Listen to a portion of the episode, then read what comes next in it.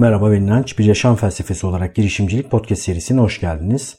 Bir önceki bölümde karar verme üzerine düşünmeye başlamıştık. Bu bölümde de karar verme üzerine düşünmeye devam etmek istiyorum. Karar verme noktasında, karar verme konusundaki önemli noktalardan bir tanesi de hangi kararlar önemli, hangi kararlar önemsiz bunun kararını vermek. Bazı durumlarda bizim aşırı önemsediğimiz bir takım kararlar ürün ya da hizmet olarak karşı tarafla buluştuğunda karşı taraf açısından hiç önemi olmayabiliyor.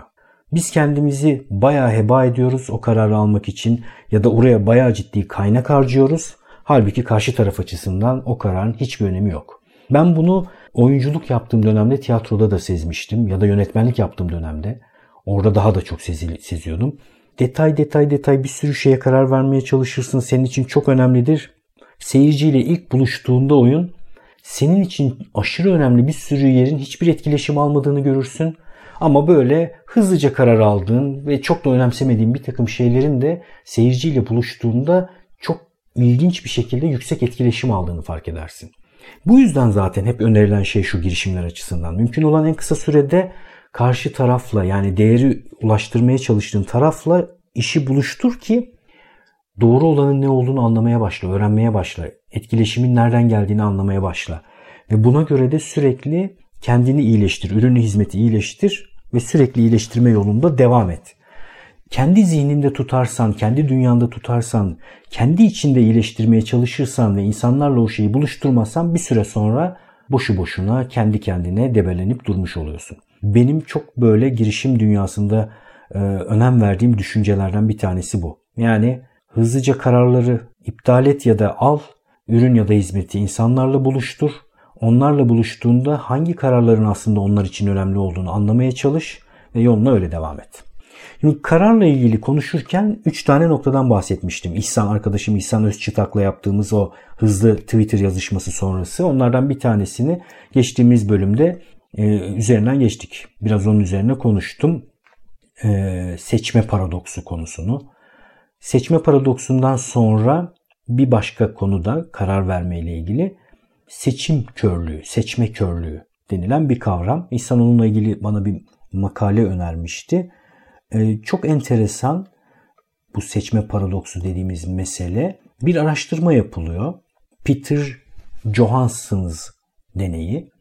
Peter Johanssons ve Lars Hall bu araştırmayı yapıyorlar. 2005 yılında galiba. Çok ilginç sonuçlar elde ediyorlar. Yaptıkları şey araştırmada şu. İnsanlara fotoğraf gösteriyorlar. İki tane kadın fotoğrafı, kadın yüzü, vesikalık gibi düşünün. Hangisini daha çekici bulduğunu soruyorlar. Ve insanlar seçiyorlar. Sonra bir tür böyle e, el çabukluğu ile insanların seçtiği fotoğrafların yerlerini değiştiriyorlar ve gösteriyorlar yavaş yavaş neden bu seçimi yaptıklarını, neden kişiyi çekici bulduklarını anlatmalarını söylüyorlar.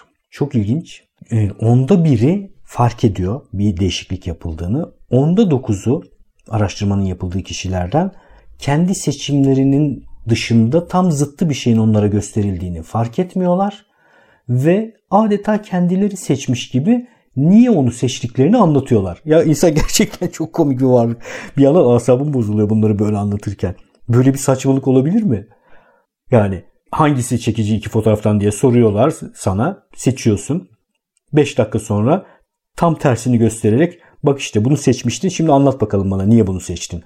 Sen de baya böyle anlatıyorsun şu nedenden dolayı şöyle şöyle şöyle şöyle bu nedenle seçtim diye.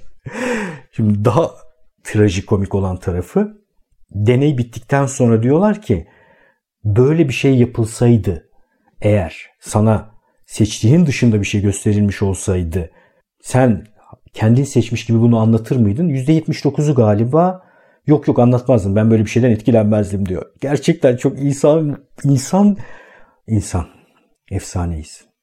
Yani buna da e, seçim körlüğü diyorlar. Bu çok ilginç.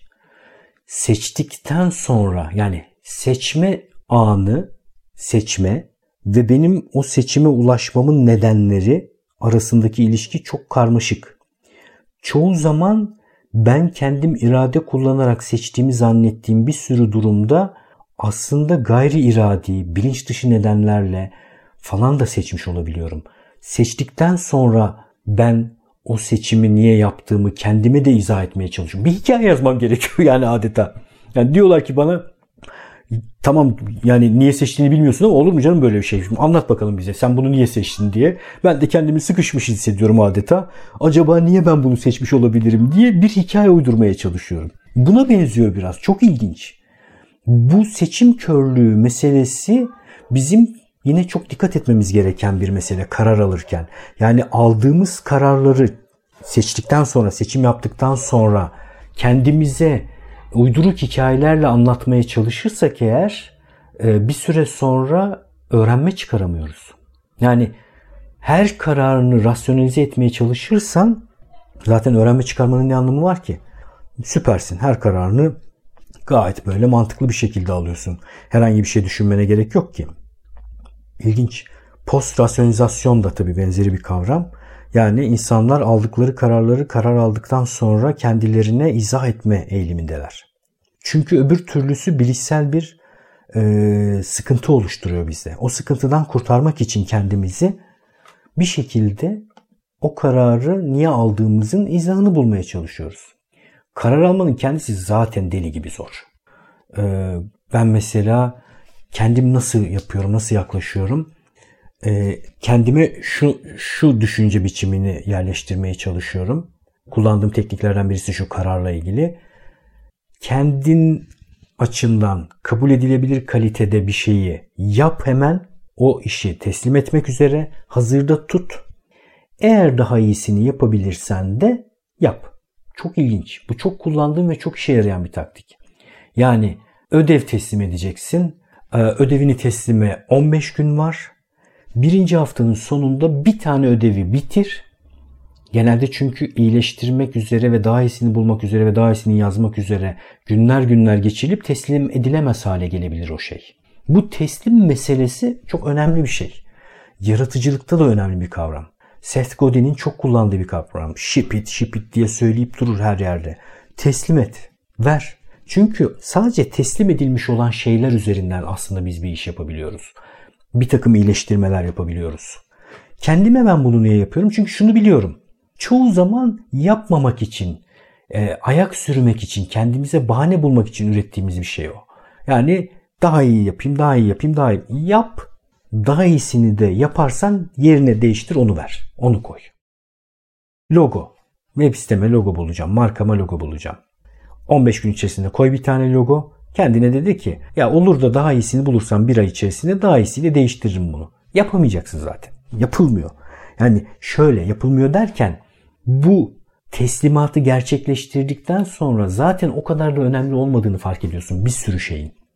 Eğer önemliyse o zaten mesele olarak senin karşına tekrar geliyor. En azından bir önceki versiyona bakıp onun daha iyisini yapma şansına sahip oluyorsun. Buna gerçekten çok dikkat etmek gerekiyor. Karar almaya çalışırken insanların neden karar alamadığına baktığımda genelde az çok bunları görüyorum ben. Yani çok fazla seçenek olması ele. Paradoksa düşme, seçme paradoksuna düşme. Öğrenme çıkarmıyor olmak, seçme körlüğünü bil, seçtikten sonra kendine o seçimi neden yaptığının izahını vermeye çalışırken senin, senin seçip seçmediğini bile anlamıyor olabilirsin. Bununla ilgili daha sonra başka deneyler de yapılıyor bu arada. Yani bu görme üzerine bir şeydi bu yapılan deney. Jonas e, neydi kimindi? Johansson'ın Peter Johansson'ın deneyi. Sonra bunun koku ve tatma duyuları üzerinden versiyonlarını da yapıyorlar. Yani insanlara bir takım reçeller denetiyorlar. Ee, çok ilginç. Elma ve tarçın reçeliydi galiba. Diğeri de erik reçeli. Tattırıyor ikisini de hangisini daha çok beğendin diye. Bunu diyor gösteriyor. Böyle bir sürü ikili reçel tipleri denettiriyor. Bir ara erikle elma tarçın reçelinin yerini değiştirip tekrar baktırıyor. Yani bir daha bakıp neden bunu seçtiğini söyleyebilir misin diye. Daha önce tarçın elma seçmiş reçelde kendisi seçmiş gibi erik reçeli veriyorlar. O da anlatıyor. Ya işte şu nedenle biraz daha aromatik bilmem ne falan diye. Ay insan. Gerçekten çok ilginç. Kendi halimize gülelim mi ağlayalım mı? Gerçekten çok asap bozucu değil mi? Yani erik reçeli, elma reçeli seçiyorsun. Sonra bunu seçmiştin. Niye bunu seçtin diye izah et diyorlar. İzah etmeye çalışıyorsun. İzah edemiyorsun. Çok ilginç. Bir de böyle sen sanki kendin seçmişsin gibi onu bir, bir tür gerekçe oluşturmaya çalışıyorsun. Bunun koku versiyonunda da çayları koklatıyorlar. Sence hangi çay daha güzel kokuyor diye. Anladığım kadarıyla bunun sadece görme ile ilgili bir şey olup olmadığını anlamaya çalışıyorlar. Yani duyu verisini aldığımda ben o duyu verisi üzerinden bir karar veriyorum. Bu kararı verdikten sonra e, bu kararımla ilgili bir takım gerekçeler oluşturmaya çalıştığımda bunun arkasında mıyım? Bunu anlamaya çalışıyorlar. Uçmuş gitmiş. Yani çok azı deneklerin araştırmalar sırasında diyor ki ya yok ben canım şunu seçmiştim sen bana başka bir şey veriyorsun diye. Büyük bir çoğunluğu yine kabul etmiyorlar. Ee, Rory Sutherland söylüyordu galiba. Daha önce sizinle paylaşmış olabilirim. Mesela e, çok pahalı bir içecekle, inanılmaz pahalı bir içecekle, inanılmaz ucuz bir içeceği etiketlerinden sıyır, şişelerinden, ambalajlarından sıyır. Sadece tadım yaptır. Ucuz olana pahalı de, pahalı olana ucuz de insanlar daha pahalı olan ürünle ilgili olan olarak daha güzel şeyler söyleme eğiliminde oluyorlar. Neden? Çünkü çok ilginç. Zihinsel olarak çerçevelendiğin için daha pahalı olan şey daha lezzetli ve daha güzel olmalıdır diye karar vermiyorsun. Uzmanlığın da yok. Ancak ne zaman bu e, geçerli olmuyor, çalışmıyor? Uzmanlık geliştiren insanlar. Peki uzmanlık geliştiren insanlar bunu nasıl yapıyorlar? Bir kere çok deniyorlar, çok öğreniyorlar bir de objektif davranmaya çalışıyorlar. Yani gerçekten duyu verisini anlamaya çalışıyor. Ağzında mesela o içeceği tuttuğunda bunun ne olduğu, güzel mi değil mi bir takım unsurlarını ayırıyor. O unsurlara göre karar veriyor.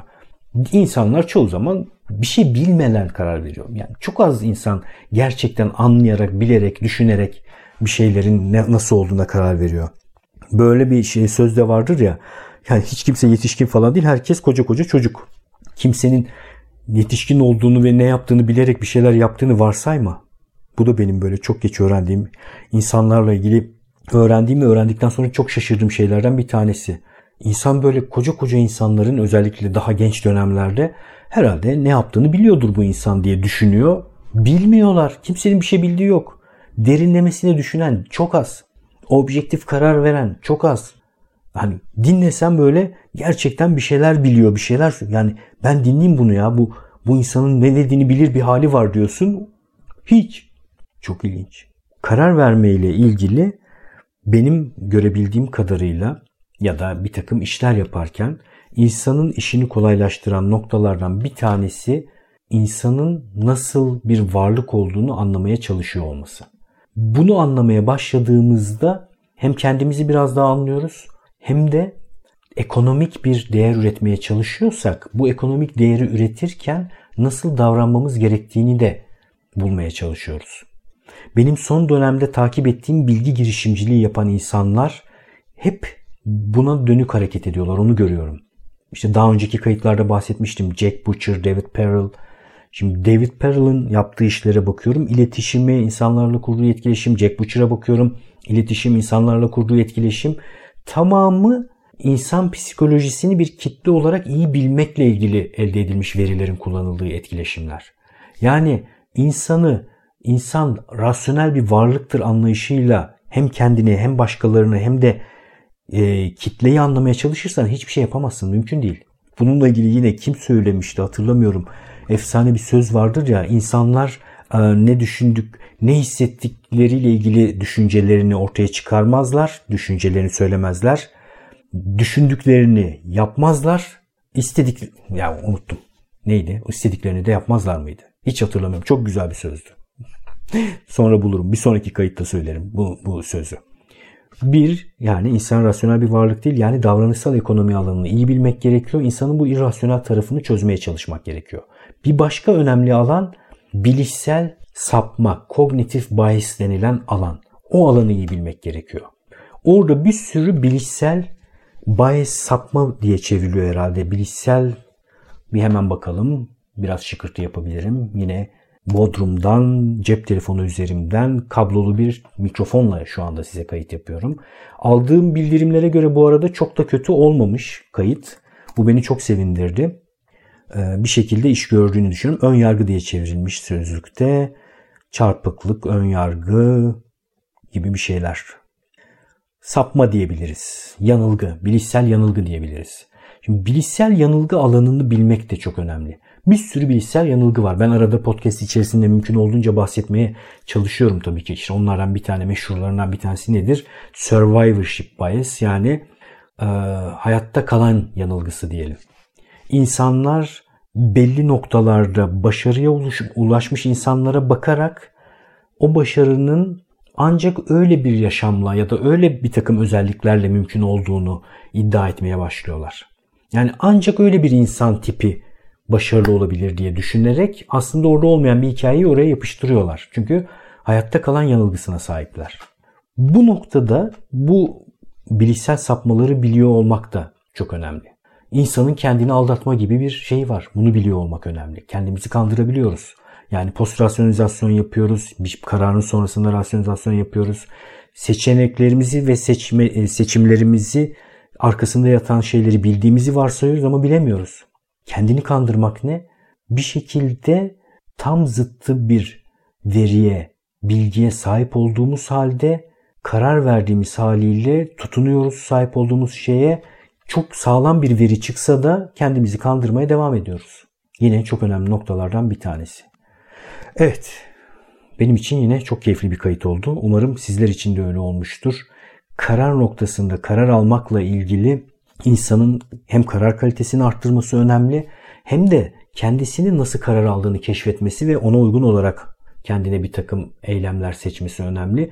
Ben kararla ilgili bir derleme toparlama olması açısından tekrar etmem gerekirse kendi uyguladığım şeyler şunlar. Bir, bolca filtre geliştirmeye çalışıyorum ve bir takım kararların alınıp alınmaması konusunda ön karar veriyorum. Yani bu bir karar meselesi mi önce ona karar veriyorum. Örnek filtrelerimden birisi benim yapacağım girişimlerin mekana ve zamana bağlı olmaması gerekiyor. Şimdilik bu filtrem var. Bu arada değişebilir. Bunlar da böyle mermere yazılı kanunlar değil. Bir girişim karşıma geldiğimde bu filtreye uymuyorsa bu girişime gireyim mi girmeyeyim mi diye bir soru benim için yok. Böyle bir karar yok. Bu çünkü benim dünyama girebilecek bir şey değil. Filtreyi geçemiyor.